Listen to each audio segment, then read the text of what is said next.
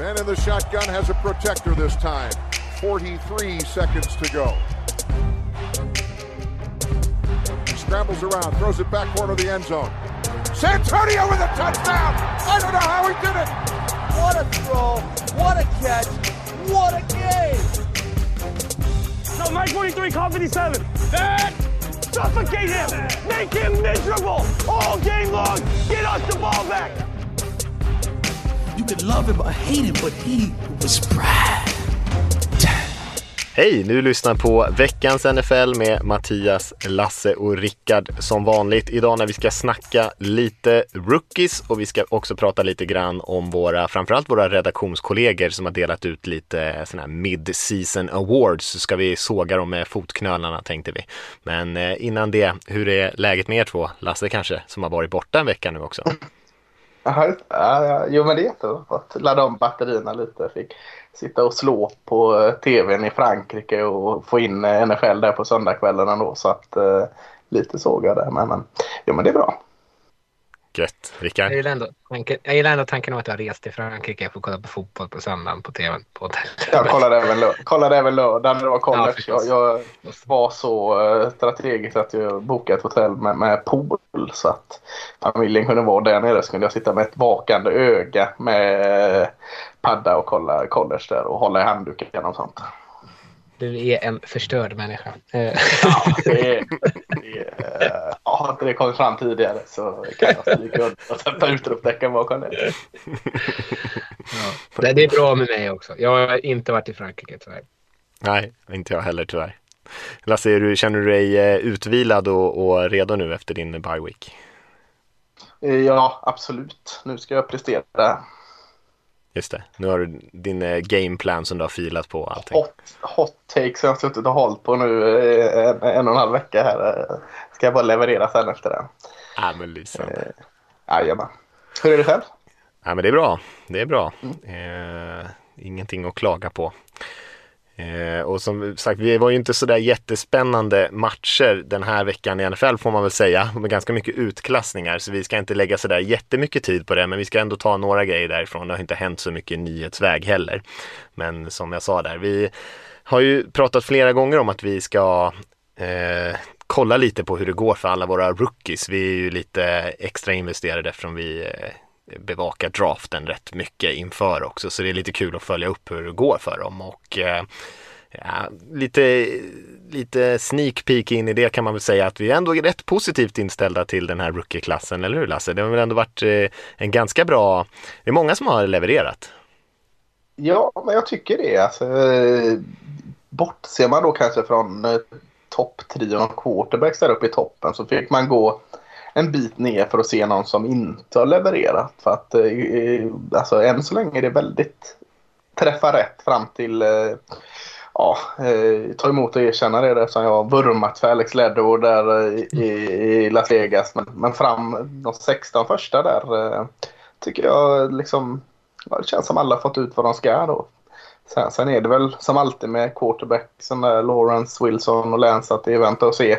Kunde kanske börjat bättre för dem där men Eh, nej, jag, och det finns gott, gott av bra spelare längre bak. Så att, nej, men jag tycker det ser bra ut. Gött. Ja men det blir, det blir kul. Vi, ska, vi kan väl börja lite grann och ta lite från veckan i alla fall. Som sagt, de här skrällarna som jag och Rickard pratade lite grann om förra veckan eh, när vi också försökte komma fram till vad man egentligen kan lita på den här säsongen eftersom det känns som att det är väldigt upp och ner och vecka till vecka. Eh, så fortsatte det lite grann så. Många storlag som förlorar den här veckan. Eh, flera nya skrällar. Vi såg ju bland annat Buck som torskade mot Washington. Cardinals fick ju spö av Panthers. Rams fick rejält med stryk av 49ers som har sett ganska veka ut de senaste veckorna. Så mycket sånt där igen. Och Jag tänkte vi istället för att dyka in i alla matcher så kanske vi, vi bara tar några grejer som vi tycker stack ut var och så eh, så får vi se hur mycket olika grejer vi hinner dyka ner i. Men är det någon som känner sig sugen på att börja med, med något som stod ut lite grann?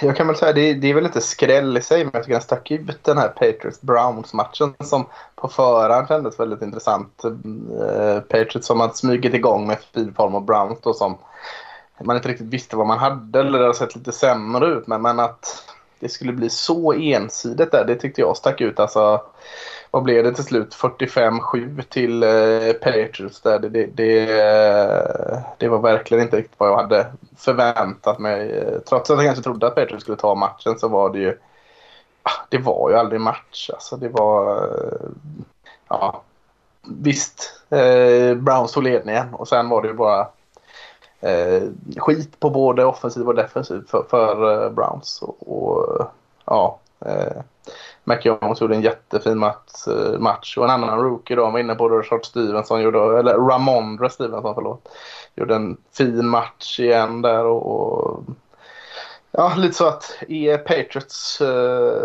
har vi liksom strykt dem lite för tidigt här nu. Att de håller på att bygga om. Det kanske de inte alls har dem, de är fortfarande aktuella.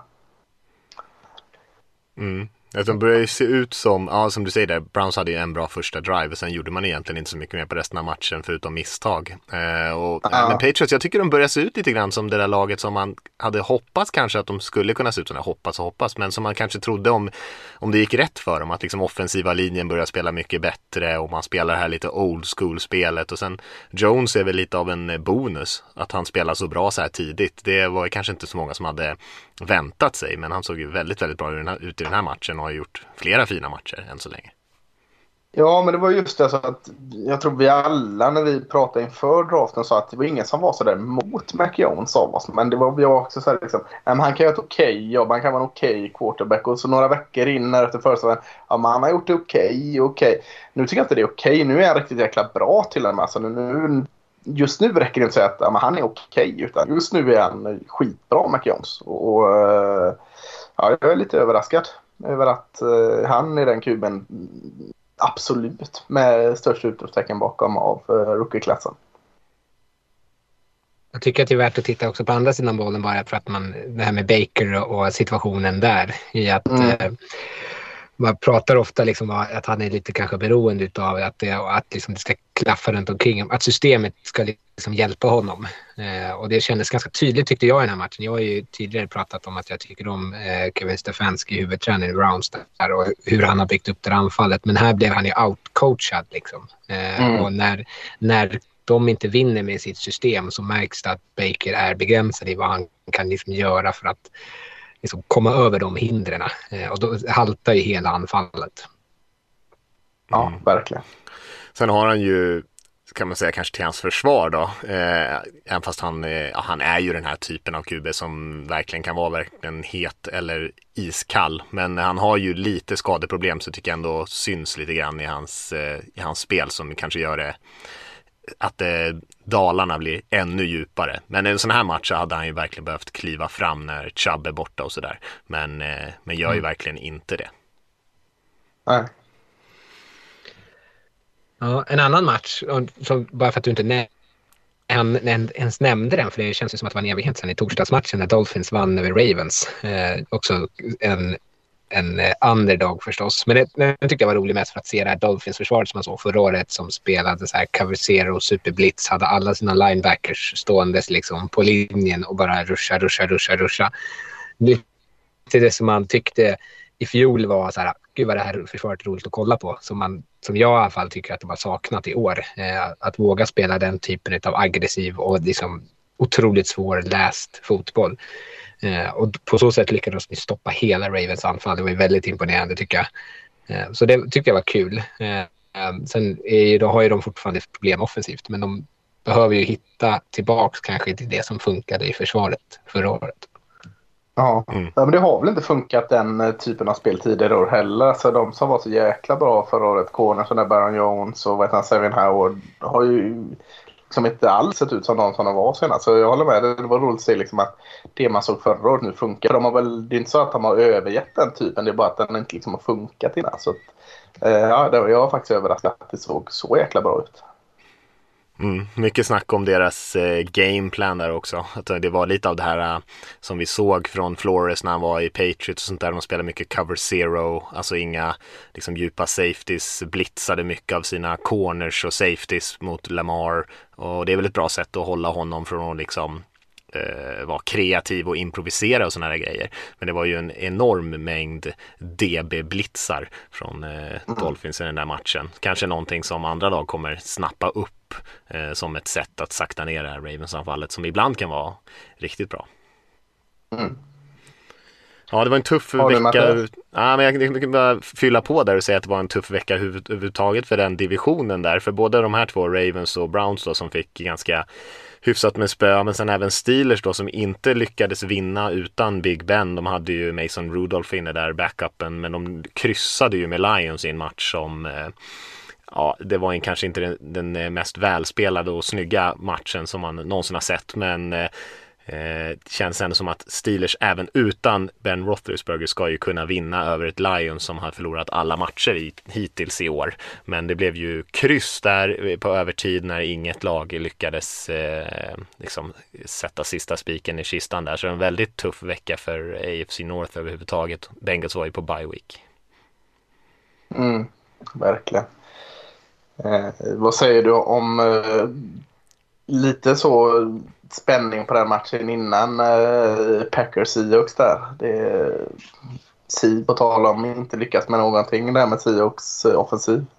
Ja, eh, det slutade 17-0 tror jag var till Packers. Eh, Ja. det var, man tänkte att det skulle vara en sån där match där det blir liksom en duell mellan Aaron Rodgers och Russell Wilson som det vi har Ja. sett lite tidigare, men det blev ju absolut inte det. Det stod ju 3-0 när de gick in i fjärde kvarten till Packers, eh, så att inget av anfallen spelade sådär jättebra. Packers var ju bättre än Seahawks anfall får man säga, men eh, lyckades ändå inte med sådär jättemycket. Det var ju ganska uppenbart att Wilson fortfarande var besvärad av sitt finger. Han missade ju rätt mycket enkla kast. Han bara seglade bollen över huvudet på sina medspelare och såna här grejer och spelade ju inte alls bra. Och eh, utan honom så har man ju inte sådär jättemycket. Man har ju inte något jättebra springspel och lämnade det ganska tidigt och ja, det, det var ingen fin match för Seahawks. Som, det var en viktig match dessutom för dem för nu ligger de ju ganska rejält bakom. Men nu är det ju som tur är extremt jämnt i NFC. Jag tror att nästan alla lag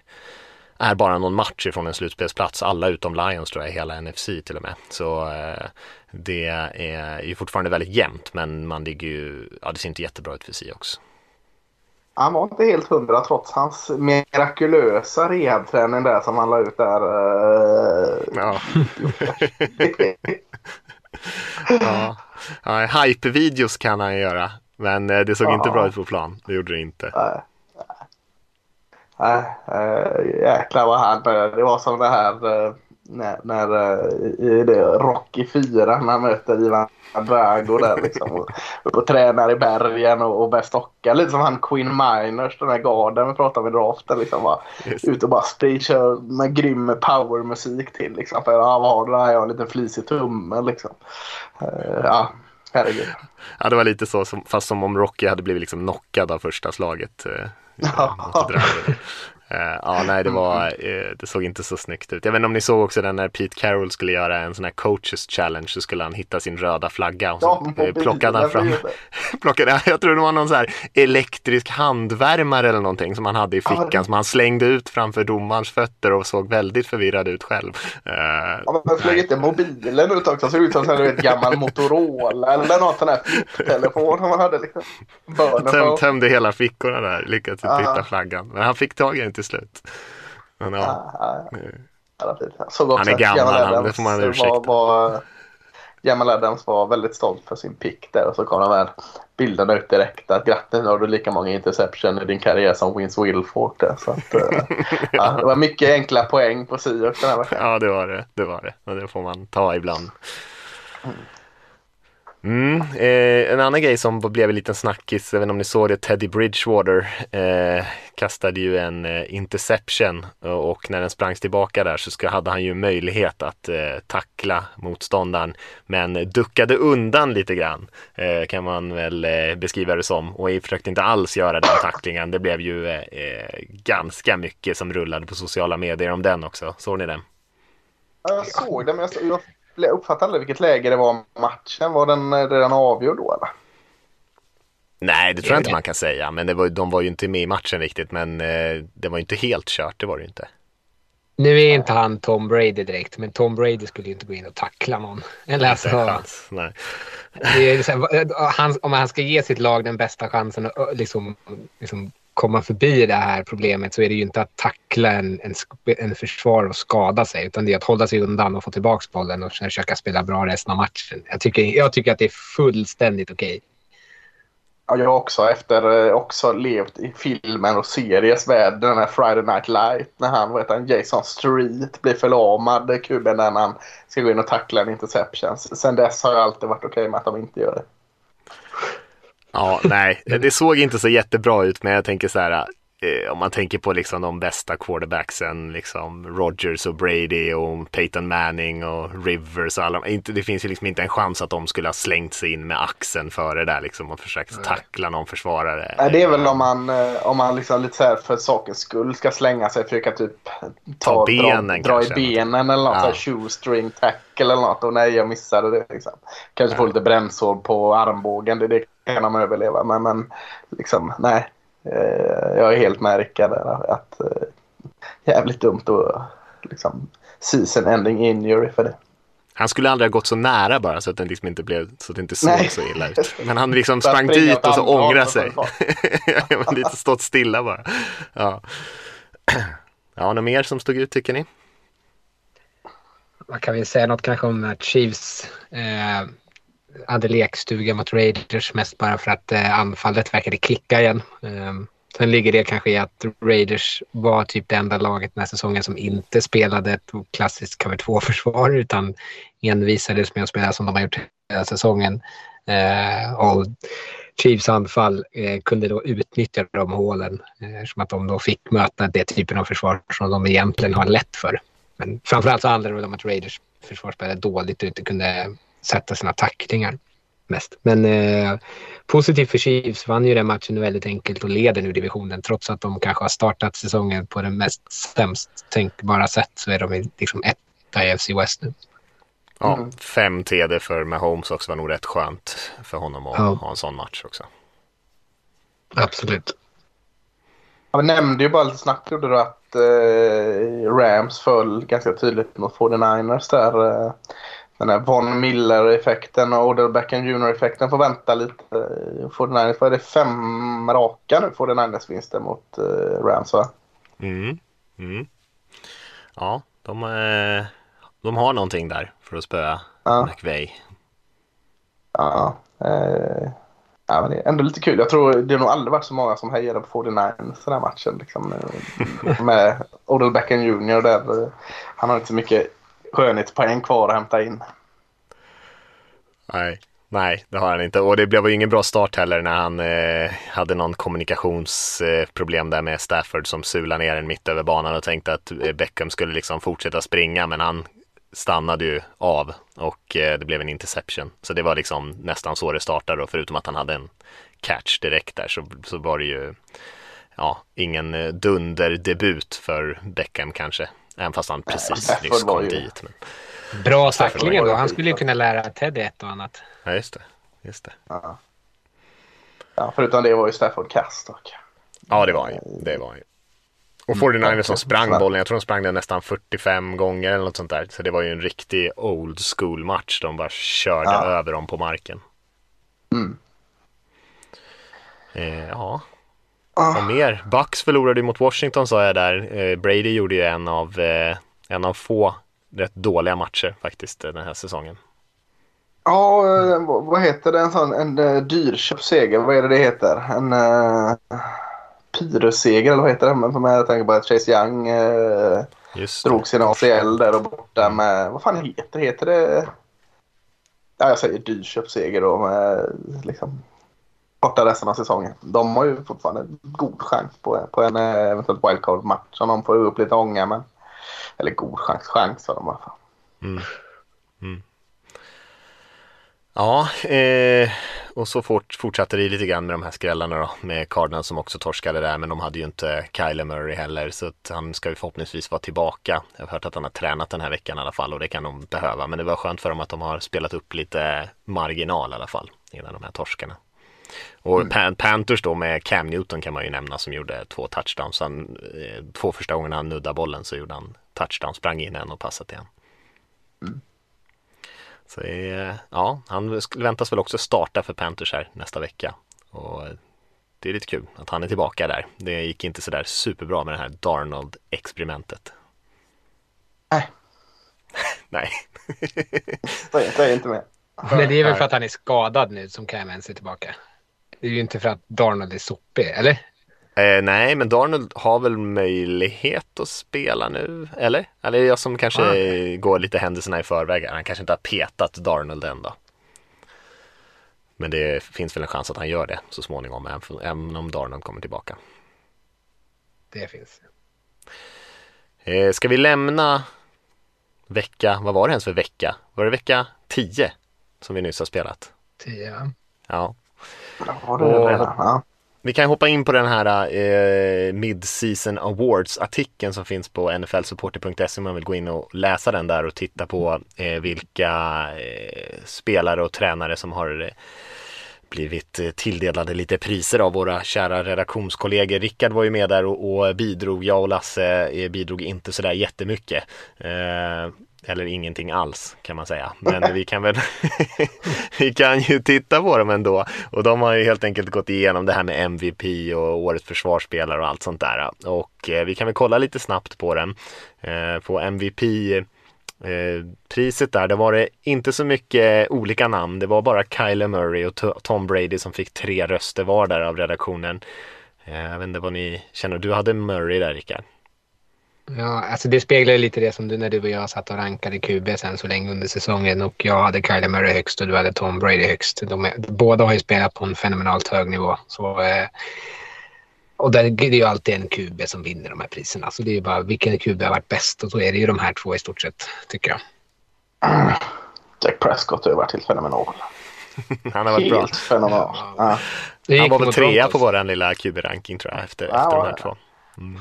Ja, Broncos gick ju inte bra där, men han var ju lite ringrostig för det efter att ha stått över två veckor. Just det. Just det. Ja men det känns väldigt, fortfarande väldigt öppet, även fast det inte var så många olika namn här så kan ju Prescott eller någon annan, till och med med Holmes, känns det som säkert vinna det här priset i slutändan. Det är ju bara, vi är bara halvvägs in i säsongen och det känns som att det är oftast andra halvan som avgör mer. Eh, lite grann vem som tar den i slutändan, för det är ju det är mycket story, hur mycket, liksom om de spelar några primetime matcher och gör bra ifrån sig och, och får lite ögon på sig och sånt där som brukar leda till att de vinner den där. Men det känns väldigt öppet måste man ändå säga. Mm. Eh, om vi hoppar ner på eh, defensiv, eh, vi kan säga offensiv eh, player of the year så fick Cooper Cup i Rams receiven där alla röster eh, från redaktionen, alla sex röster. Eh, och det är väl kanske inte så mycket att säga om. Jag tänker att Derrick Henry var väl en av dem som utmanade men sen han skadade så har han försvunnit lite grann och Cooper Cup kanske har seglat upp som den, det solklara valet. Jag vet inte om ni har någon annan som ni känner som man ska lyfta i det sammanhanget. Nej, Cooper Cup känns ju eh, faktiskt eh, givande. Jag tänkte att någon running back kanske som eh, har stuckit ut det med, det med, med Henry skadad. Så nej, men jag tycker, jag tycker det känns bra med Cooper Cup. Ja, det är Taylor kanske i Colts som, är, som spelar väldigt bra. Men eh, han känns som, en, som ja. en bit bakom just nu. Även Cook är väl alltid också väldigt pålitlig i, i Vikings. Där. Eh, defensive Player of the Year, där blev det däremot lite olika namn. Aaron Donald kom upp med inom parentes alltid från Daniel och sen så hade vi två stycken som eh, petade in Trevon Diggs där eh, med alla sina interceptions i Dallas eh, och Miles Garrett fick två röster också. Kevin Byard eh, fick eh, Magnus röst där. Det var lite en spelare som det inte pratas så mycket om men som oftast spelar bra säsong in och säsong ut. Ja, eh, ja Trevor Diggs är kul med, men han är mer kul än att vara någon sån MVP-spelare tänker jag. Eh, Pro Bowl-spelare, men, men inte mer. Han släpper ju ganska mycket yards tyvärr, eh, men, men det får man ju ta om man som spelare. Jag tycker Miles Garrett känns som en, en, eh, en sådan spelare. Trots att deras försvar kanske inte har varit bra så har ju han hela tiden presterat jäkligt, jäkligt bra.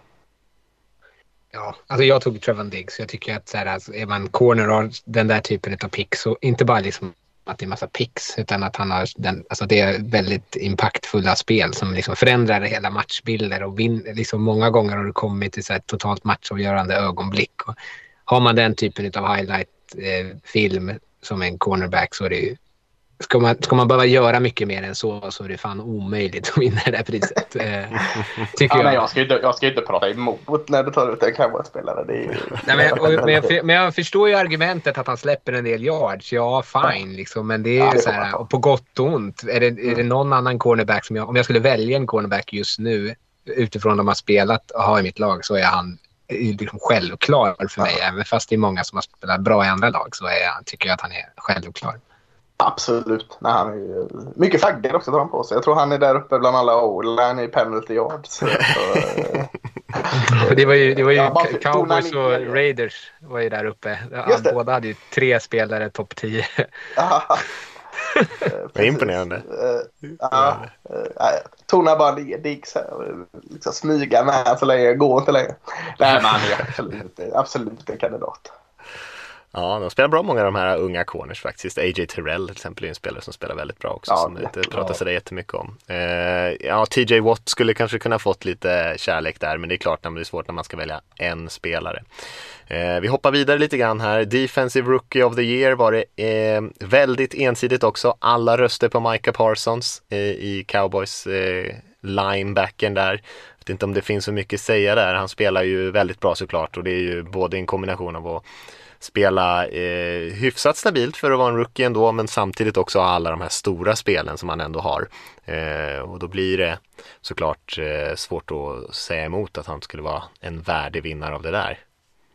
Ja, han är ju läskigt bra. Alltså, eh, redan typ bäst i, i eh, Cowboys försvar. Då. då pratar vi om Digg som eh, defensiv player of the year. Men Eh, just mångsidigheten med honom. Alltså det pratas om hybrid. Jag vet inte vad han har ställt upp D-end, han har ställt upp D-tackle, alltså utsidan linebacker, insidan linebacker, han har spelat safety, han har gjort ett par snaps som corner till och med och ser aldrig bortkommen ut. Så att, eh, och verkar ha en jäkla fin inställning. Så eh, nej, det är verkligen en lyckoträff hittills. Liksom. Mm. Jag hånade han lite när han skulle ställa upp som pass rusher, där fick jag äta upp. Det gjorde han ju rätt bra Ah. också, faktiskt. Eh, väldigt, väldigt bra. Eh, offensiv rookie, där känns det som att det är, eh, finns lite spelare att välja på ändå. Eh, Daniel slängde lite oväntat in A.J. Harris som jag tycker spelar bra running backen för Steelers i och för sig. Men Jamar Chase är kanske den som många pratar om som Rickard hade och några till. Eh, och Magnus slängde in Mac Jones också där. Det är väl eh, bra namn allihopa eh, skulle jag säga. Men fortsätter Mac Jones så är det svårt för någon annan än en QB att ta den där om man fortsätter den här stilen. Men Jamar Chase spelar ju såklart jätte, jättebra också. Ja, fortsätter Devonte Smith alltså, som han har vaknat i Eagles här nu också. Eh, från en ganska, inte seg start, men inte så. Så han, jagar han ju verkligen Jamar Chase här som bästa receiver. Eh, jag håller nog Chase högst, men eh, skulle det vara season ending eller eh, efter säsongen award här så, så ja, jag vet inte hur Smith är verkligen superhet nu. Mm. Ja, han börjar eh, ta ifatt lite grann helt klart. Mm. Eh, Coach of the year var lite, lite blandat också. Det var två stycken på John Harbaugh som var eh, inte alls oväntat att Magnus petade in John Harbaugh där. Eh, Ingen är chockad. Brandon Staley fick två röster. Det blev jag väldigt förvånad över faktiskt. Till Chargers-coachen som de har ju haft lite motvind på senaste tiden. Cliff Kingsbury dök upp, inte alls oväntat och även Sean McVay fick en röst av Olof. Jag vet inte om den var ironisk. Han brukar alltid driva med Sean McVay lite grann och hans eh, fantastiska minne. Men eh, eh, den, den känns, den är inte så lätt. Coach year är ju väldigt sällan lätt. Eh, Kingsbury är ju svår att argumentera emot tycker jag med tanke på hur de har levererat ändå på båda sidor av bollen. Och det är ju Cardinals då. Ja. Alltså jag tycker ju som sagt det där Cardinals-anfallet är så mycket bara eh, improvisation stundtals som gör att jag har svårt att se, så här, kunna peka på och säga så här, det här är, här är Kingsburys fingrar som gör att det här anfallet är jättebra. Liksom. Men jag fattar ju tanken med tanke hur mycket de har vunnit. Då skulle jag hellre köpa Sean McVey-argumentet nu. In, det här är ju innan de, har vunnit, innan de förlorade här. Då. Eh, men eh, där, det här, där man känner att ja, men han har fått handplocka en QB som han vill sätta in i sitt system och det, det systemet har sett mycket bättre ut nu med Stafford där. Ja, eh, jag, McWay vet inte fasken om jag, jag är ombord på. Jag tänker av de här lagen som har överraskat eh, så Zack Taylor i Bengals känns det som en, ett fräckt namn, eh, nytt namn, men, men vad han har gjort med Bengals så pass eh, snabbt ändå med, med de här nya spelarna. Kanske borde nämnas i alla fall. Mm. LaFleur kanske också i Packers, som, de spelar ju väldigt bra. Eh, Absolut. Båda Absolut. sidorna av bollen. Eh, ja, den är svår. Det, den där känns, det ja, känns som att alltså den där de kan man liksom gamla, inte riktigt... Ja, kör. Eh, jag såg ju Belichick för några veckor sedan, men, men ja, nu vänder han det här igen. Och Sean Payton verkar ju liksom styra det här Saints utan spelare bra också. Så de här gamla stötarna gör ju inte ett dåligt jobb heller. Nej. Nej, så är det. Eh, fanns, de hade också två kategorier som var överraskningar och besvikelser. Och eh, besvikelser, det var mycket på Aaron Rodgers där, mycket kanske på beroende på vad han har gjort vid sidan av planen. Eh, och sen så var det Chiefs anfall fick sig ett släng av sleven där också. Eh, det var väl innan den här senaste matchen då. 49ers mm. från eh, Svante som är ett 49ers-fan också som var väldigt besviken. Men det var ju också innan den här stora vinsten. Och på ö- positiva överraskningar så var det Corderell Patterson fick mycket röster. Det tyckte jag var kul. Det tycker jag han verkligen förtjänar. Han har ju varit en jättedel av Falcons ganska eh, decimerade anfall. Ehm, och där hittade vi lite Ja, vad hittar vi mer där egentligen? Raiders off the field. jag, jag Marcus tolkat, Golden. Jag inser nu när jag läser det här att jag, att jag har ju missuppfattat hela Det här är tydligen någonting positivt, en överraskning. Jag tyckte bara en överraskning var någonting som var out of the blue. Så då har jag skrivit Raiders off field, alltså skiten som har hänt utanför plan. Ja. Det, är inget det står positivt. ju inte positiv överraskning i och för sig. Det, det är Nej, precis. öppet för tolkning. Men jag ser nu i, i, i, relationen överraskning och besvikelse och alla andra har skrivit positiva saker. Står du bakom det som har hänt ännu? Är det det du säger? Positiv överraskning. Äntligen är de på väg åt rätt håll. Och man sparkar Gruden. Och det, ja, nej.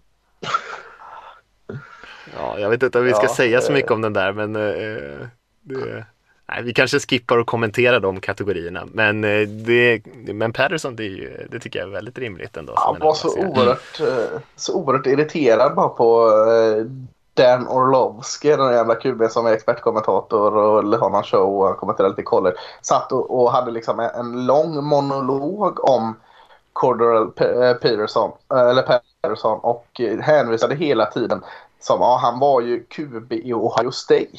Så han har ju blandat ihop honom med Cordell Jones som var det. För Cordell Peterson var receiver i Tennessee. Eh, och liksom ingen rätt han, alltså det var inte, han pratade inte fem minuter, han pratade över minuten liksom om att ja, en gammal, och liksom hela äh, grejen var att en QB nu gör det här och, och Corderell Pedersen är ju en gammal wide receiver så han bandar ihop två spelare som heter Corderell och bara retar mig på att liksom ingen dementi kom ut och ingen rättade, för ingen sån där sa någonting i snäck veckan utan Danolovski fick hålla på med den här och tog helt fel person. Så, uh, ja, så nu retar jag mig på Cordell Patterson här bara på grund av Danolovski. Du är fan ja. ingen kul. Orlovski är ju ibland lite ute och cyklar. Cardale hette han väl till och med va? Cardale Ja, det kanske Jones, hette till och med. Ja. Det kanske var någon helt annan kul han menar Ohio State. Jag bara tänkte det måste vara han Jones han menar. Liksom, för att jag är bergsäker på att uh, Persson var uh, receiver ja, och special teams i Tennessee. Ja, det var han ju. Uh, han är ju för sig, han har ju kastat några passningar tror jag i NFL sådär på trickspel, så han kan göra det. Men inte, inte var han quarterback inte. Han var ju väldigt hypad uh, när han kom ut ur draften, uh även fast alla var lite osäkra på hur han skulle användas kanske. Och sen var han ju lite av en besvikelse. Och sen har han liksom tagit sig fram genom special teams-vägen och nu är, levererar han både som running back och receiver för Falcons. Så att, ja. Ja, Nej, så Dan, Dan Orlovsky blir min årets besvikelse. Uh, ja, vi, vi hoppar vidare tycker jag och kollar lite grann på draften. Och vi var ju inne på det lite grann där, eller Lasse du eh, räknade upp eh, de första valen här eller ett par av dem i eh, första rundan i alla fall. Och vi kan väl göra så att vi börjar lite grann i första rundan, börjar lite om de här grejerna som snackades inför draften eh, och sen så kan vi bara ta lite spelare som har stått ut på olika sätt. Men det är ju, går ju inte riktigt att komma ifrån att om man bortser från quarterbacksen, kanske framförallt toppserien med, med Lawrence och Wilson och Lance där, som har varit eh, besvikelser får man säga. Lance har inte spelat så mycket men eh, det han har spelat var ju lite skakigt, kanske inte så oväntat med tanke på hans bakgrund. Men, men resten av positionerna har ju spelat väldigt bra. Ja, verkligen. Alltså, Eh, vad hade Kyle Pitts här som är bakom dem? hade väl en match som han inte gjorde så mycket. Och så är den där Kyle Pitts var ju ingenting för NFL. Eller om det var två veckor in. Mm. Men sen så har alla bara sett hur jäkla bra han är. Och Jamar Chase eh, pratades om hans drops på försäsongen. Sen direkt vecka ett var han ju eh, wide receiver 1. Jalen Waddell i, i Dolphins. Också säkerheten själv. Eh, Eh, Otaken Penazuel för Lions började väl lite sådär halvdant men har ju sett jättebra ut de sista veckorna. Eh, sen har vi de här korna. Sen är det JC Horn när han är skadad. Det var... Eh, kan det ha varit vecka fem? Så, så tidigt. Ja, man, så det kanske man får säga pass på. Men han såg ju bra ut i lilla man ser. Pep Surtain har sett bra ut. Det var inte Smith Receiven har kommit igång fint. Justin Fields står QB lite utanför toppskiktet har börjat se bättre ut. Micah Parson har varit inne på. Eh, Roshan Slater, tacken här för Chargers kanske är den o som har varit bäst hittills.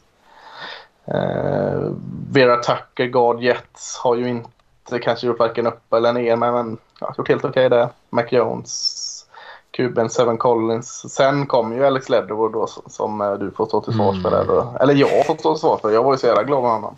Men där kommer väl första felträffen då hittills om man nu kan kalla det efter en halv säsong.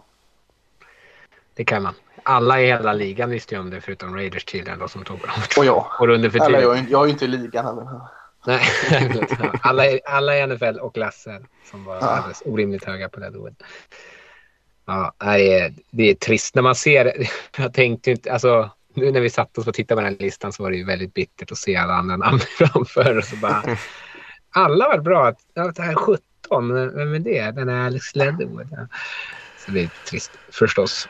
Ja, men det är ju tidigt. Alltså jag tänker på också så här, ja. Eh, ett annat Raiders-val i Colton Miller där som ja, började sin karriär ganska svagt och sen ja. så har blivit en väldigt stabil tackle ändå. Ehm, så det, det, kan ju absolut ordna upp sig, men han har ju haft en ganska tuff start.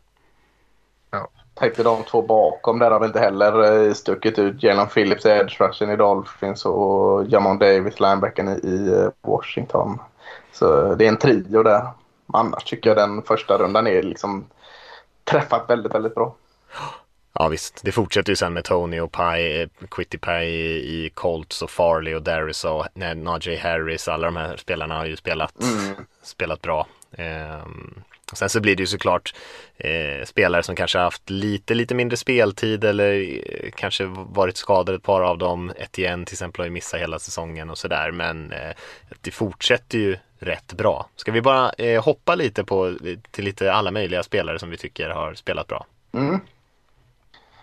Eh, är det bra bara här? Vi ska inte sänka utan vi ska lyfta eller? Ja men sänk också om du känner att du har någon som mm. du tycker verkligen inte har levererat. Ja, men jag vill ju börja med en sänkning så jag får det ur världen lite. Eh, det snacket med att Rams tradar bort alla sina draftval och det och gör en grej och det och tar in spelare. Förstår man ju här nu när de, deras första val draft den andra rundan tar de Tutu Atwell, receiven från Louisville som är 1,10 lång och väger 14 kilo. Eh, Var alldeles för lätt redan i college. Så han, jag tror alltså han är på practice squad i, eh, detta nu. Eller om han ens är där eller på att säga. Men det är ju jätte miss som kändes väldigt, väldigt konstigt redan då. Så att det vill jag ta upp stora sågen. Så att fortsätt träda bort era draftval. För, för de kan ju visserligen inte drafta. Nej, han har haft det lite svettigt. Eh, man kan ju säga att några av de spelarna innan där, eh, precis innan eh, Asante Samuel som eh, vila har ju spelat väldigt bra. Rondell Moore, Aziz Ojolari tycker jag är väl värd att lyfta i Giants också. Pass Russian som har spelat, spelat väldigt bra. Mm. Ja, eh, om jag skulle få lyfta liksom en sån diskussion som man hade så dels tycker jag det är spännande med den här Jamar Chase eller en offensiv linjespelare eh, som att när Bengals valde där på fem om de skulle ta någon av de här bästa tacklesen eller inte. Det känns ju som att det blev rätt val i slutändan. Eh, och jag tycker lite samma sak där egentligen med eh, eller Steelers när de plockade Najee Harris. De har pratat om ska, ska de ta en running back verkligen med alla de här problemen på den offensiva linjen. Vad ska han göra där om han ändå inte får några hål? Eh, och det såg ju dåligt ut i början av säsongen men nu har de ju kunnat hitta lite andra sätt att utnyttja hans eh, styrkor i att få honom lite mer aktiverad i passningsspelet. Så, eh, som känns, så här nu i efterhand känns det som att det, det blev rätt val i båda de här fallen i alla fall tycker jag. Ja, jag, jag håller med. Eh, om, om man ska välja, om man ska prata om o-line som valdes så får man ju lyfta på hatten för Chiefs då som möblerar om sin o-line inför säsongen och har redan två rookies inne i den som spelar väldigt bra. Creed Humphrey, centern där, eh, ser ju hur bra ut som helst. Eh, valdes i andra rundan så det kanske inte är en jätteskräll men även Trey Smith, garden man tog från Tennessee där i sjätte rundan har ju sett väldigt, väldigt bra ut också så att eh, jäkla lyckoträffar med de två offensiva linjespelarna där. Ja, verkligen. Jag tycker man kan nämna eh, Jeremiah Owusu Koromoa som vi har pratat om, linebacker som gick till Browns. Han är ju skadad nu, är ju borta ett par veckor till tror jag, men borde börja närma sig och kunna komma tillbaka. Men han spelar ju jätte, jättebra när han spelade. Eh, som ett utropstecken innan skadan i alla fall. Ja. Eh, jag vill, för att liksom glädja Rickard lite så tycker jag ändå att secondary har ju fått sig eh, en skjuts i mm. rätt riktning i den här draften med Morig safety. Det var andra rundan va? Ja. Eh, har ju sett, det jag har sett i alla fall bra ut men framförallt Nate Hobbs, konen nere i femte rundan. Vad kom han från? Illinois tror jag va? Jag har ju sett väldigt fin ut också så att om man ska vänta och se på Leatherwood så eh, för att vara snäll så kan man ju säga att uh, secondary har ni prickat in snyggt. Ja, Hobbs har verkligen spelat superbra så det har varit, det är kul. Um, en annan safety som jag gillade som framförallt nu dök upp då i den här matchen mot uh, Ravens uh, var ju Miami Dolphins, Javon Holland som de också tog i andra ja. rundan som också flyger omkring lite överallt och bara uh, liksom, gör allt möjligt. Ja, väldigt rolig att kolla på alltså. Ja. Eh, jag såg här då nu, nu hade inte Broncos så jäkla mycket, eh, eller vad säger förlåt, Cowboys hade inte så mycket chans mot eh, Denver Broncos så det överraskande. Eh, Broncos hade ju en massa Olan skadade dessutom men jag såg han som det var där snackisen inför som de tog i tredje hand, Quinn Miner som kom från Lilleputtskolan och var enda den här stocklyftaren uppe i Kanada. Såg ju jättefin ut som guard den matchen i alla fall. Så att, uh, han flyttade på uh, Cowboys om de vore stockar. Så att, uh, jag vet inte, det, det, är väl för tidigt att säga men, men det såg väldigt bra ut. Mm. Jag kan lyfta Trey Brown som Seahawks tog i slutet på fjärde rundan. Pick 137 där. De hade inte så många val. Eskridge har ju knappt spelat receiven men Trey Brown har ju spelat bra för dem på cornern. Ehm, så det är ändå gött att kunna hitta någon så pass sent som ändå kommer in och levererar som starter. Liksom. Mm, absolut. Uh, du gillar han, vet jag vilket, Khalil Herbert, runningbacken i, i Bears. Uh, mm. Valdes också i sjätte rundan och verkligen gått in och levererat. Han har spelat jättebra. Det är också så här rolig. Studsar runt lite hur som helst. Ja. Inte så fysiskt liksom, men en lite sån här ettrig rackare. Ja om man ska såga någon så tänker jag att man kan också passa på att såga hela 49ers eh, draftklass. Eller alltså Trey Lance nämnde vi har inte fått så mycket. De har inte fått ut någonting av honom eh, som man kanske hade förväntat eller hoppats åtminstone. Eh, Garden Aaron Banks har inte spelat någonting. Jag tänkte ju att det är ett perfekt draftval där men det, han har inte knappt fått någon speltid tror jag. Eh, Trey Sermon, running backen i tredje rundan, har inte heller liksom gjort någonting fast de har haft massa skador på positionerna har inte lyckats, liksom, lyckats eh, knipa den, den platsen. Eh, otroligt eh, stor besvikelse kan jag tänka mig för Svante bland annat och alla andra 49ers-fans. Men petad av en annan rookie där. Ja, har inte uh, Lenoir ser ganska bra ut. Uh, så. Jo, jag tycker han har spelat bra. Ja, nu har jag inte sett honom på senaste tiden, men han började säsongen ja. väldigt bra. Ja, femte rundan. De prickade rätt på en i femte rundan. Får vi mm. mera. Eh, men ja, den, eh, jag tyckte Aaron Banks var högt redan då. Så, uh, ja. Men man kunde ju se honom i det där, alltså få glida ut. Sen kanske han är lite, lite stor och lite klumpig, men jag tyckte ändå han såg smidig ut för sin storlek. Jag tänkte att det skulle se jävligt bra ut när han gled runt där bredvid Trent Williams i sina olika pull eller deras liksom outside springspel och bara kunna få ränna över stackars små defensive backs eller vad som helst. Men det kommer. Det kommer. Ja, det kommer. Det kommer. Har vi något mer som vi vill lyfta upp? Ja, ja, men Sam Cosmi då, så får jag lyfta min Texas-hjärta i college. Eh, offensive tacken där i Washington har ju sett jäkligt fin ut i början av andra. Eh, en av de bättre offensiva linjespelarna hittills i årets draft. Vill jag lyfta. Och du nämnde väl Mattias Christian Barmore förra veckan tror jag. Patriots eh, defensive tackle som också tog i andra rundan som har spelat mycket, mycket bättre nu. Eh, lite segstartad men spel, ser ju jättebra ut. Med. Känns som att det är mm. många sådana där, det är alltid sådana där när man tänker att spelare som faller mycket längre än vad man hade trott. Och Barmore var ju kanske en av dem som, eh, ja, mm. kanske inte skulle ha gått där uppe där han hypades upp från början. Men han följer väldigt långt ner och samma sak med Karamoa. Eh, många av de här spelarna som, som var ändå rätt eh, högt ansedda för att de spelat väldigt bra i college och sen så av några, några anledningar så så hamnar de inte så högt upp ändå i själva draften men de, men de spelar ändå bra. Det här tycker jag man ser varje år. Mm.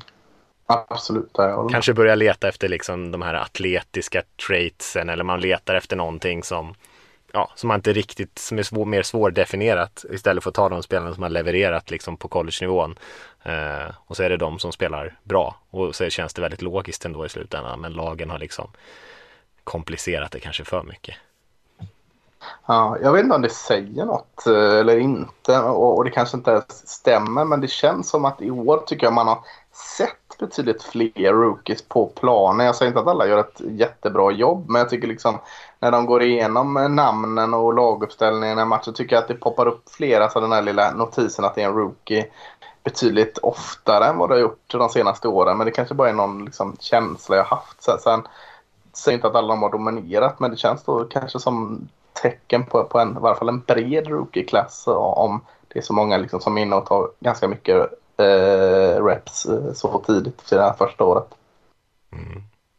Ja, men du är nog inne på någonting. Jag har inte tänkt på det så mycket, men det, ja, det, det är mycket rookie som levererar. Liksom ja. på, från alla runder. Ja, och jag levererar total dominans som, som eh, kanske Jamar Chase eller eh, Mika Parson pratar inte om, utan liksom som bara ändå är med i, i uh, gameplanen hela matchen och inte bara in och tar garbage eh, time yards. Kan det ligga något i det här nedskalade lönetaket? ja, det kan ju vara en grej. Ja. Så kan det faktiskt vara. Mm, eh, vi, vi lär väl kunna återkomma och snacka lite mer om de här, den här rookie-klassen lite senare när vi har ännu mer, eh, när de har ännu fler matcher under bältet. Men, eh, men en väldigt lovande start får man säga för klassen som helhet i alla fall.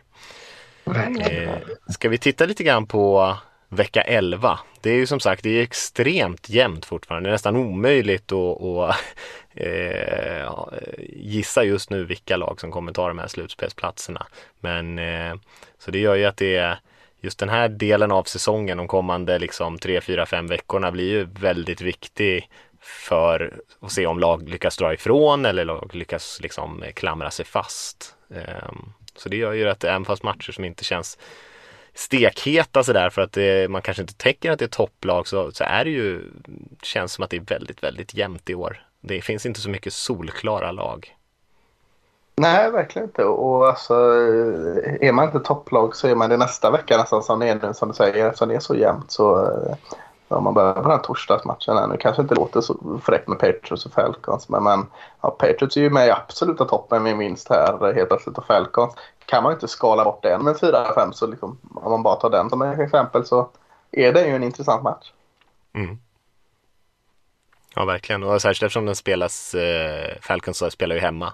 Eh, och det gör ja. den ju kanske lite mer intressant om man tänker att Patriots ändå var favoriter här. Ja, och med tanke på hur Falcon spelade sist mot Cowboys. Så, så, men är det någonting vi har lärt oss den här säsongen så är det ju att uh, vi kan inte döma ett lag för vad de har för facit från föregående vecka. Det är, skrällarna bara duggar. Ja. Mm. Nej, visst. Ja, det är en kul match. Det känns som att Patriots borde kunna kötta hem det där men eh, de har ju gjort eh, mindre bra matcher också. Det är verkligen inte något så här eh, gäng som man kan lita på att de ska leverera på topp men de känns ju i alla fall som att de trendar i rätt riktning. Ja, visst gör det det. Och det känns väl kul att se Patriots nu vad de kan hitta på utan Tom Brady. Ta emot och säga det men ja, lite spännande att se Patriots. Mm. Den är ju intressant också om man tänker sig, nu tänker jag hoppa vidare till en annan match då med Colts Bills-matchen som är kanske en av de bättre sju matcherna. Eh, där, eftersom att både Bills och Patriots ligger just nu på sex vinster och, och Patriots lär ju vinna matchen mot Falcons även om det kanske mot förmodan kan bli lite dans av det hela. Eh, och om Bills då torskar mot Colts, vilket känns fullt rimligt att de skulle göra, så är, har ju plötsligt Patriots grepp om den divisionen. Ja, absolut. Och då är det helt plötsligt, det låter också konstigt, då har ju Bills och Colts eh, lika många vinster helt ja. plötsligt. Och det, mm. det kändes bara för några veckor sedan som att Colts kunde liksom skicka bort spelare mot draftval för att satsa på nästa säsong. Så eh, ja, verkligen. Eh, ja, den matchen är, alltså den ser jag fram emot. Det blir nog min sju match eh, faktiskt. Jag tycker den, den känns väldigt öppen. Ja, verkligen. Och Bills har ju, eh, de har ju, det ser väldigt bra ut med poängskillnad och eh, allt sånt där för dem. De har ju spöat på ett helt gäng eh, rätt kassa lag den här säsongen eh, och inte alls sett jättestabila ut hela tiden. Och till och med mot Jaguars hade de ju svettigt och torskade som eh, man tänker är ett bottenlag. Så att det känns verkligen inte som att den är på, liksom på förhand avgjord. Jag gillar ju Bills på sikt ändå. Jag tycker ändå de har någonting. Jag tror att anfallet kommer kunna lyfta sig och försvaret spelar ju mycket bättre än vad det har gjort eh, eh, liksom sen, sen Josh Allen kom dit. Och Eh, men Colts är ju så här lite tråkbra. Jag sa det när vi pratade lite grann om Quitty Pie där. Han har ju inte så mycket sax men har spelat väldigt bra för dem eh, och känns som en typisk spelare som Colts skulle ha liksom. Lite sådär tråkbra, man lägger inte märke till dem så mycket men de bara levererar. Och så känns som det hela det här laget är. Wentz är ju lite upp och ner och sådär men, eh, men med Taylor och springspelet och ett försvar som spelar för det mesta liksom hyfsat eh, så är de ju ett lag som är rätt svåra att slå ändå ändå. Man måste ändå komma dit och, och leverera på en rätt hög nivå om man ska slå dem. Eh, och de känns som att de skulle definitivt kunna skaka om Bilsa lite grann. Ja, men Pay, det är ju roligt. Där. Det är, du sa att det känns som en typisk Colt-spelare och då, det är ju så. Alltså, man, man draftar en edge. Då vill man ju ha den explosiva runt kanten som säkrar QB. Man vill ju inte ha han som pluggar igen svinbra emot spring. Trots att det är en jätteviktig del så vill man ju. Det är ju tråkigt. Men, men eh, det är ju nyttigt så in i helsike att ha den och, och gör det ju lättare för andra spelare. Men, men eh, och det har han ju varit fenomenal på. Så, så eh, nej, han, han verkligen liksom eh, personifierar eh, Colts försvar, det draftvalet. Mm. Nu möter de i och för sig ett lag här som eh, inte, inte kan springer bollen så mycket. Nej, exakt, de kan inte springa bollen. uh, så vi får väl se om det är en dålig matchup för dem. Men uh, ja. ja, känns som en kul match. Verkligen.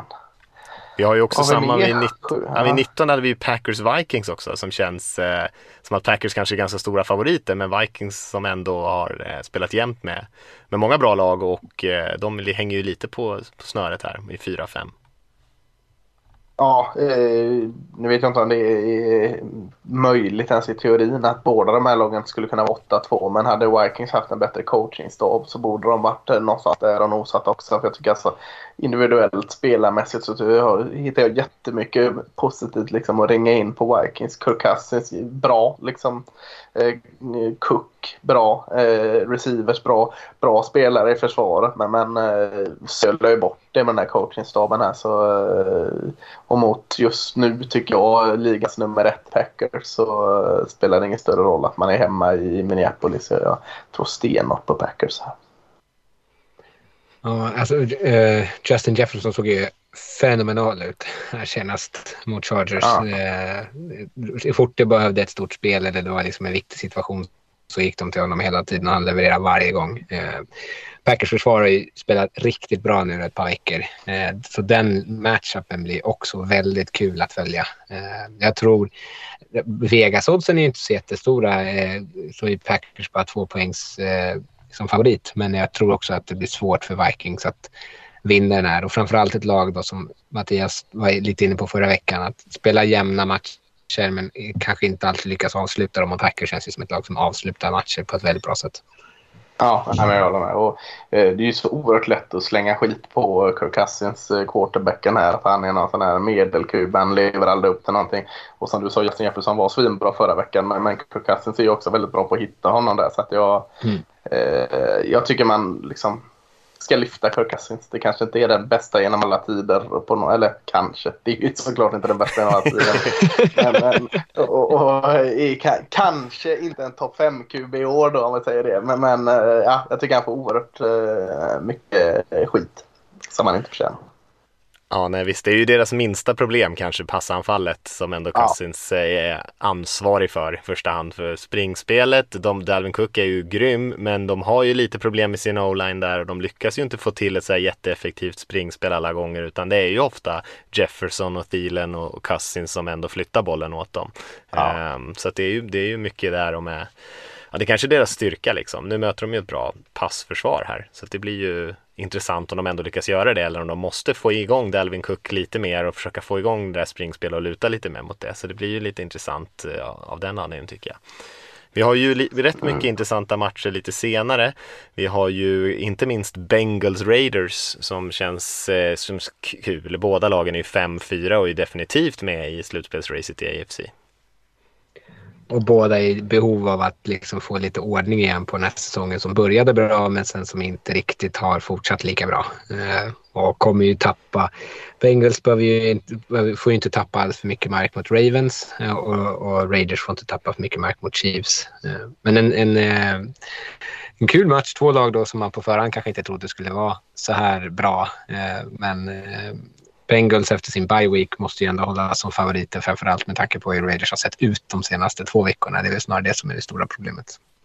Ja, jag tänkte säga det också. Jag, jag, det känns lite som Bengals är nere i lite, har landat igen efter den här skjutsen man har fått. Men samtidigt med Las Vegas eh, problemen så, så är det ju tacksamt att gå in i den matchen efter bye weeken för Bengals. Att, eh, som du säger, jag tror nog Bengals är, eller är knappt favorit kanske inte så mycket på grund av sig själva utan på eh, stöket i Las Vegas Raiders just nu. Mm. Mm. Men en rolig match och vi har fler roliga matcher sen vid, eh, i samma tid eller 22-25 framförallt. Jag tycker att eh, just primetime-matcherna är kanske inte stekheta Steelers Chargers. Vi vet inte om Big Ben är tillbaka men det kanske han är men han har ju lite covid-problematik just nu och Giants Bucks känns ju inte stekhet heller på Monday Night Football utan det är nog de här sista 22-25 matcherna där vi har Cardinals mot Seahawks eh, som Cardinals får ju kännas som väldigt, väldigt stora favoriter och sen är det framförallt kanske Cowboys mot Chiefs som är veckans riktiga stormatch. Ja, jag tyckte, jag tyckte hoppa förbi en sjumatch som jag är väldigt liksom så. Det är Saints Eagles tycker jag känns oerhört spännande också.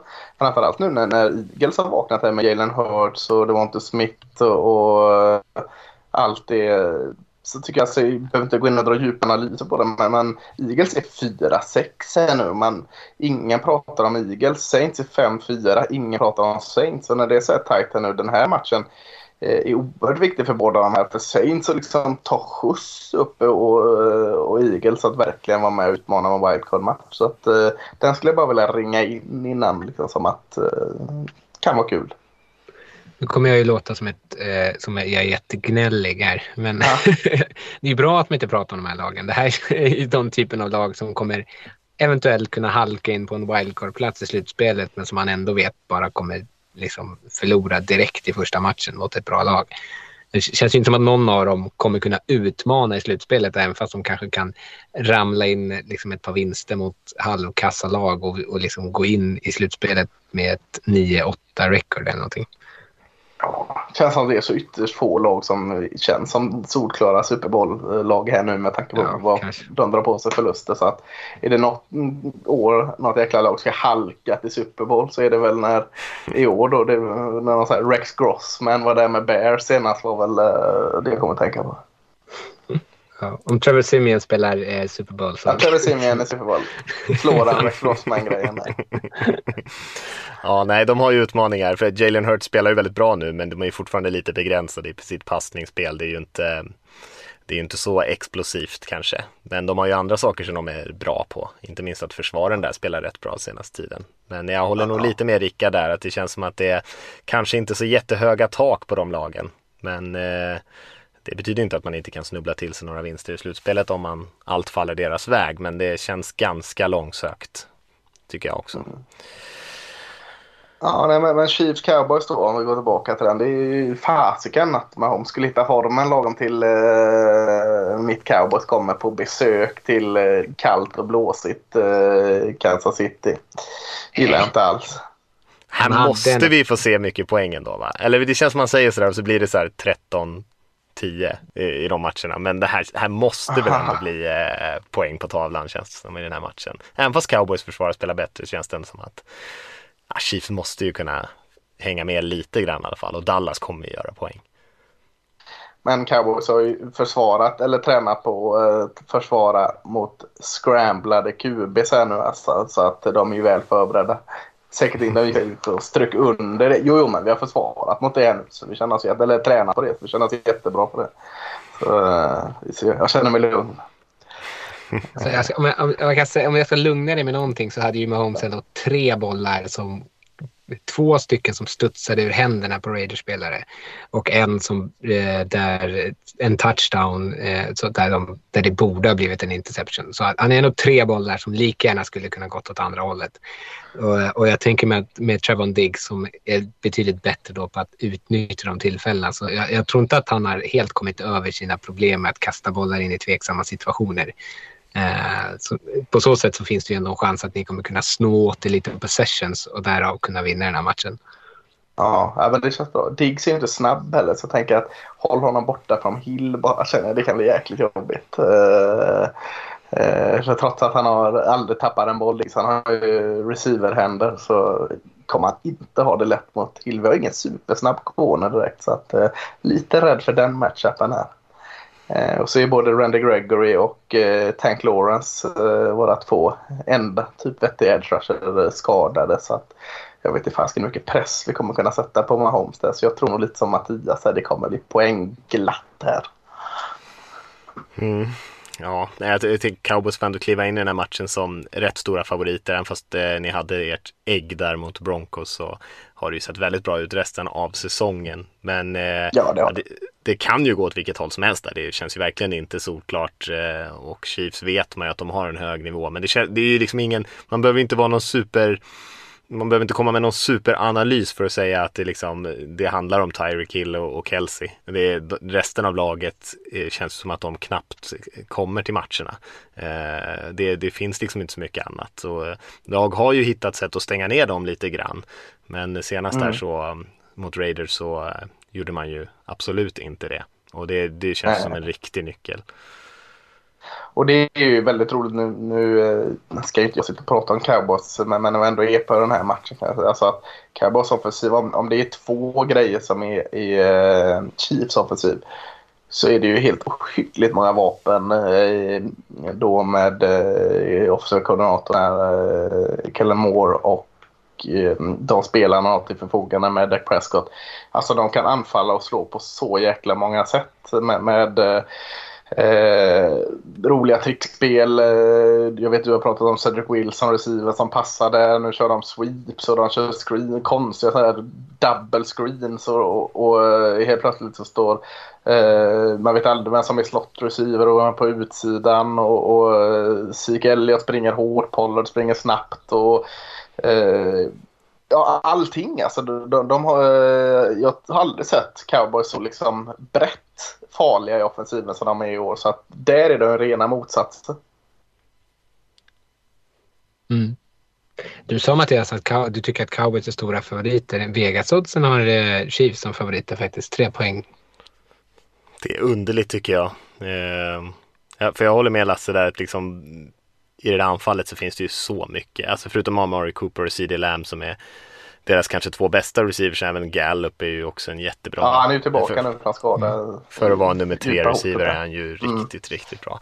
Så att jag tycker att det bara finns för mycket där. Jag jag har svårt att se att Chiefs ska överhuvudtaget sakta ner dem. Eh, så då, då hänger det ju på att de kan hitta den där anfallet som vi har sett de senaste åren när de verkligen öser in poäng. Och det är ju inte alls omöjligt, men jag tycker det, att sätta dem som favoriter i den här matchen känns ju som att ja, det är lite att ignorera vad som har hänt de Nej, och över under är på 56 poäng. Så tippa över där och tippa på cowboys vinst så är det easy money tänker jag. ja, ja, det känns ju som att det kommer bli den typen av match, absolut. Absolut. Det är veckans måste-match, eller hur? Den måste man ju se. Ja, det måste man se. Ja, det, Det känns som att det kan bli eh, åka av. Ja, vi får hoppas i alla fall på att det blir lite jämnare och bättre matcher än vad det blev här förra veckan. För att eh, ja, det var många matcher som var över tidigt där känns det som. Och de som var jämna, de var inte så välspelade alla gånger. Men eftersom, Eh. eftersom det är skrällare varenda jäkla vecka så får, äh, sätter jag lite, ni får ta ut en skräll var här då. Eh, som ni får stå till svars för nästa vecka. Jag kan dra in en också då så att vi alla får skämmas. Eh, Mattias, du får börja ta en skräll här. Och det kommer ju komma. Då måste jag ju kolla lite på vilka lag som spelar Det här de behöver här ju inte vara just över. att eh, Texans slår Titans utan det kan ju vara en liten skräll också. Ehm, skulle Bears kunna slå Ravens kanske? Ravens har ju haft problem senaste tiden. Kanske. Ja, jag vet inte om jag tror på det riktigt men eh, ja, men jag säger att Bears gör det. Jag, jag vill ju så gärna att Justin Fields ska lyckas. Jag gillar honom som spelare. Eh, och jag tycker ändå att han trendar uppåt och Ravens har ju sina bekymmer som Magnus gärna påminner oss om när vi tycker att de är, är bra så säger han att det finns mycket utmaningar där. Så jag säger att Bears skräller mot Ravens då om jag ska välja någon. Mm, vad, vad, vad, säger du Rickard? Du får inte säga Bengals mot Raiders, det är för tråkigt. Eftersom Bengals är favorit dessutom. Ja, dessutom. Eh, nej, jag, kan, jag har ju varit så hård mot Steelers under säsongen. Eh, men eh, jag kan tänka mig att deras försvar kommer kunna sätta lite stopp för Chargers och sen att de kommer kunna springa bollen eh, helt okej ändå. Eh, så Ja. där finns tycker jag det finns en skrällvarning. Ja, jag går på en stor skräll här då. Jag, jag säger att eh, Monday Night Football tar Giants och vinner borta mot Buccaneers. Jag tycker Giants har varit bättre än deras record i år. Så att eh, eh, Buccaneers förlorar två raka. Kul. Kul. Ja, vi får ju följa upp nästa vecka. Eh, men eh, annars kanske vi eh, säger så för den här veckan. Eller har ni något mer som ni vill peta in innan vi stänger ner? Ingenting. Nej, inget. Nej, Jag är tom. ja, vi är helt tomma allihopa. Ja, men då säger vi så, så hörs vi igen om en vecka hörni allihopa där ute. Ha det fint. Ha det bra.